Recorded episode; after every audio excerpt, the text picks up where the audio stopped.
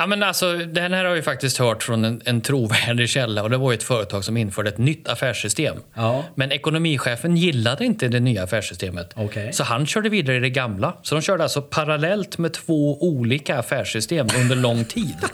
Men hur, hur alltså, att det ens får hända är ju helt skrämmande alltså.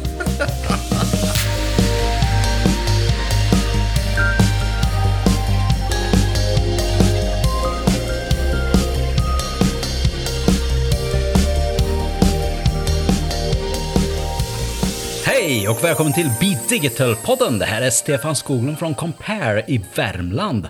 Och vanligtvis har jag ju Lise Bergqvist med mig här i studion, men eftersom hon är någonstans, ja, jag vet faktiskt inte riktigt vart hon är, så har jag fått förmånen att själv få göra en intervju här för podden den här veckan.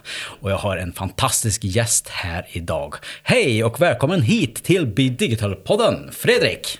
Tack så jättemycket. Jättekul att vara här. Och eh, underbart kaffe. Eh, värmländskt kaffe får man väl kanske säga då när man befinner sig här utan att säga vilket märke det är. Ja, precis, absolut. Både värmländsk kaffe och choklad har vi ju här i poddstudion. Ja, berätta Fredrik, vem är du och vad gör du till vardags?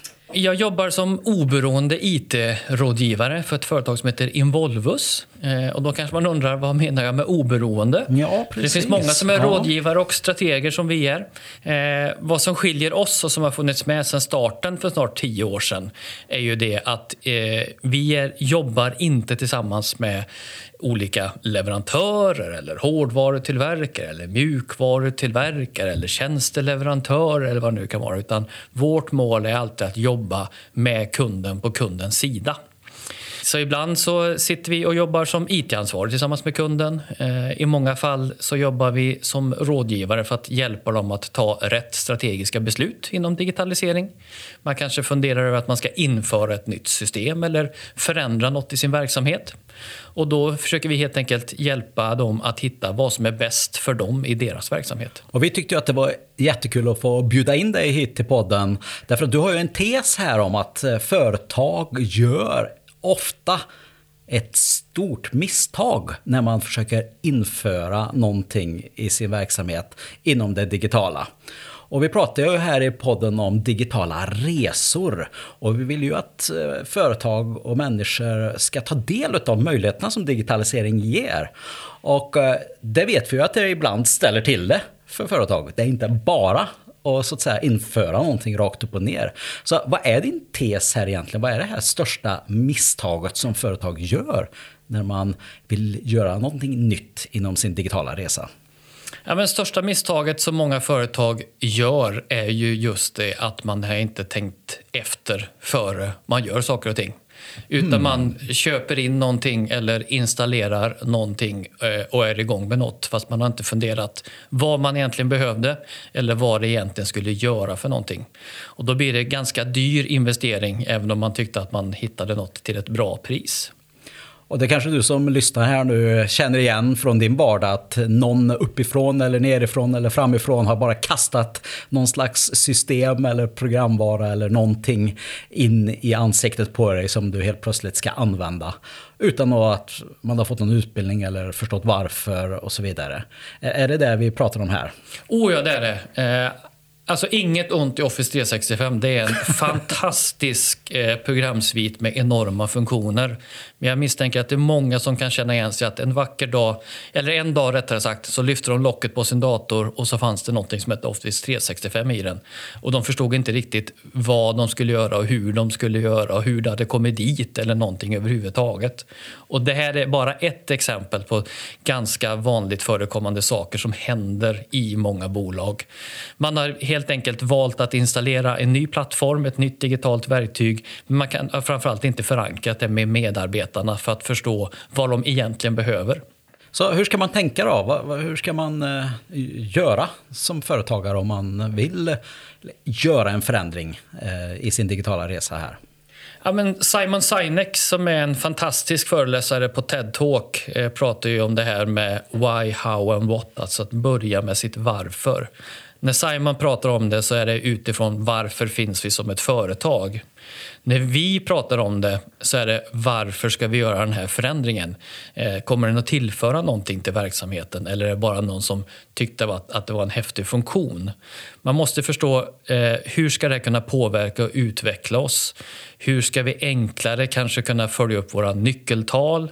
Eh, ser vi på ett bra sätt hur vår affär förändras varje dag eller är det bara en gång i månaden som många företags vd där ute vet hur resultatet ser ut? Eller har ni intelligenta och smarta verktyg som gör att ni kan följa utvecklingen varje dag eller varje timme? Hur mycket pengar tickar in och hur mycket pengar tickar ut? Så förstå varför man ska göra någonting.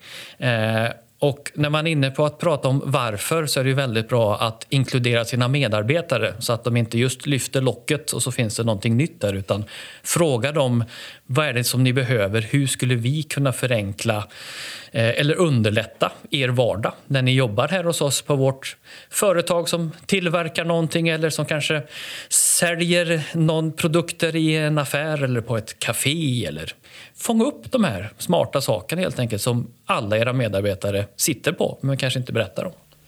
Så kan man tänka sig att det är två delar här. Det ena är att specificera vad det är man faktiskt egentligen behöver och det andra sen också tydliggöra hur, hur får vi in det här hos människorna så att de faktiskt använder det, alltså själva implementeringen.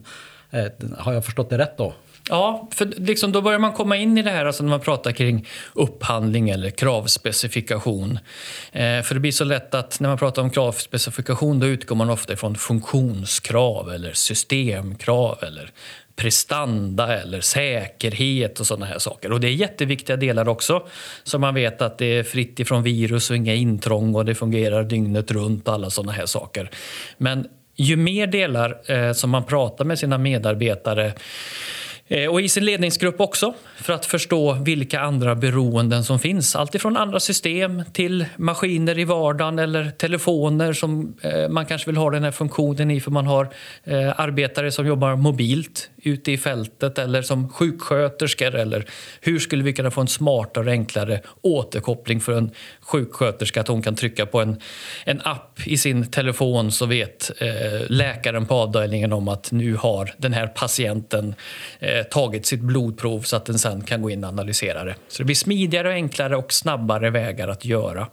Och Det som händer med digitaliseringen är ju det att förut så var det just stora maskiner som var ganska dyra och kostsamma. Det var stora investeringar. Men nu kan vi helt plötsligt göra väldigt smidiga och enkla lösningar som är väldigt billiga men som tillför ett väldigt stort nytta.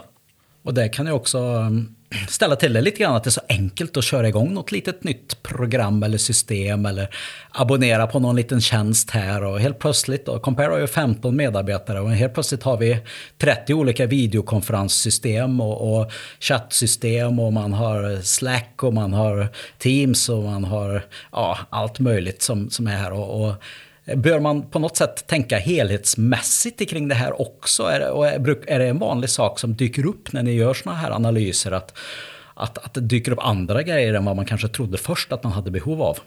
Ja, men det är ju det som vi stöter på hela tiden.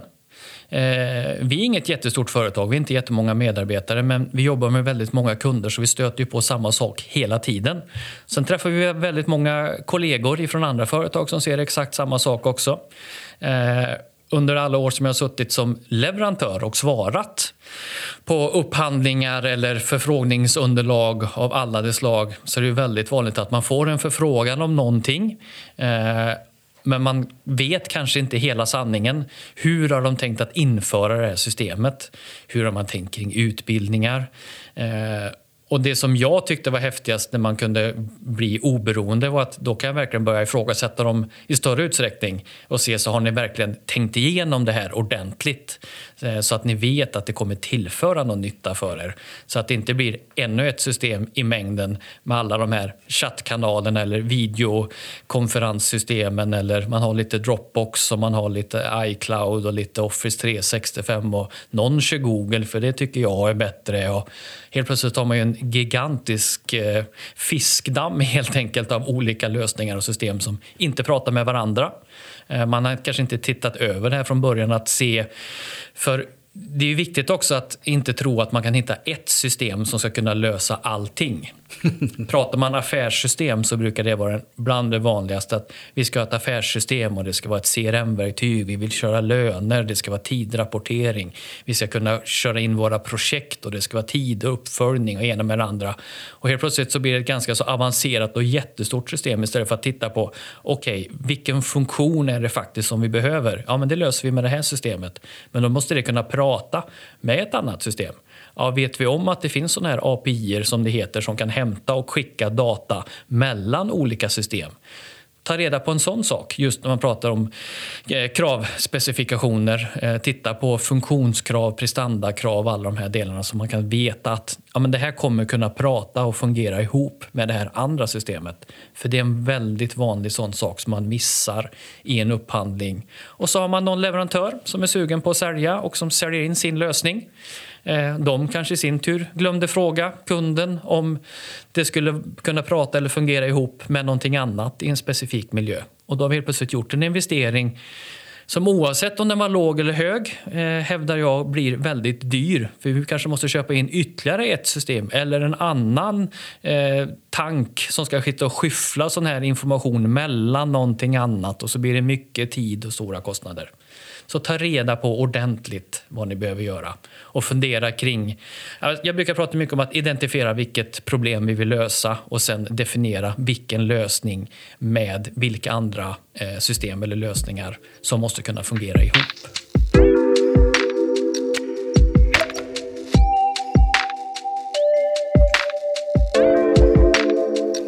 som eh, företagare då, tänk en, en småföretagare lite, kan man göra det här själv, det här arbetet delvis? Självklart.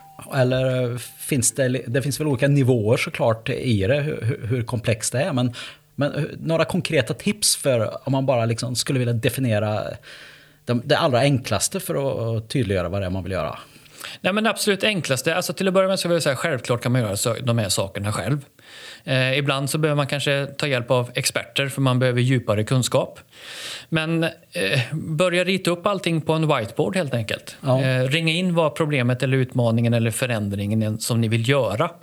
Man kommer kanske fram till att ja, men det är ett specifikt system på något sätt, någon sorts tjänst som vi behöver förändra.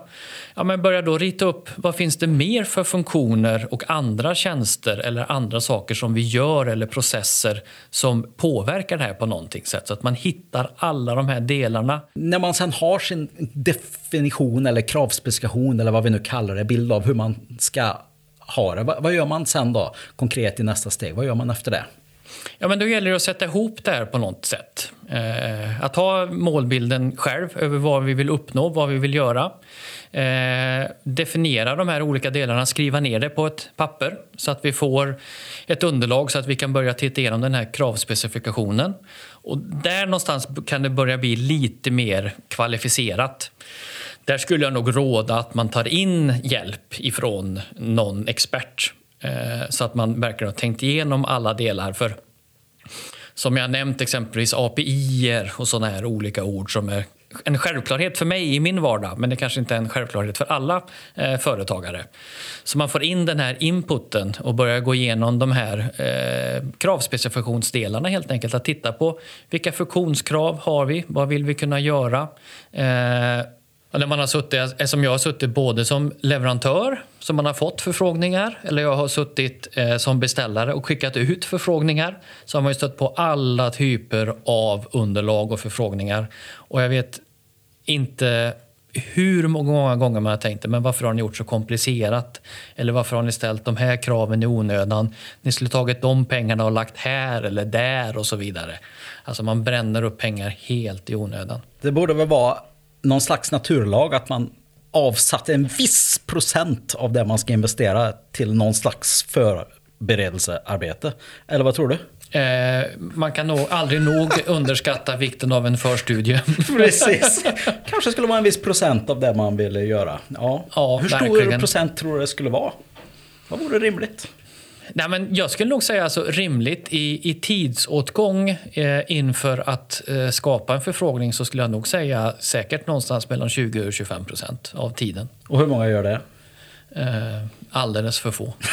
ja, det tror jag med. Och det behöver inte vara så komplicerat. Det är Nej. det som är grejen. Man Precis. kan göra det enkelt själv. Eller så kan man ta hjälp av eh, partners, kollegor, andra personer som man känner, eller sina medarbetare eller vad som helst helt enkelt. Det finns en sån princip om att en timmes nedlagd planering sparar kanske tio timmar i utförande sen. Ja. Om det är någonstans som den regeln gäller så är det väl i införandet av ett slags IT-system eller någon slags digital verktyg, eller hur? Ja, för det kommer ju bli så enormt dyrt eh, på andra sidan om man inte gjort en bra förstudie innan man ska börja.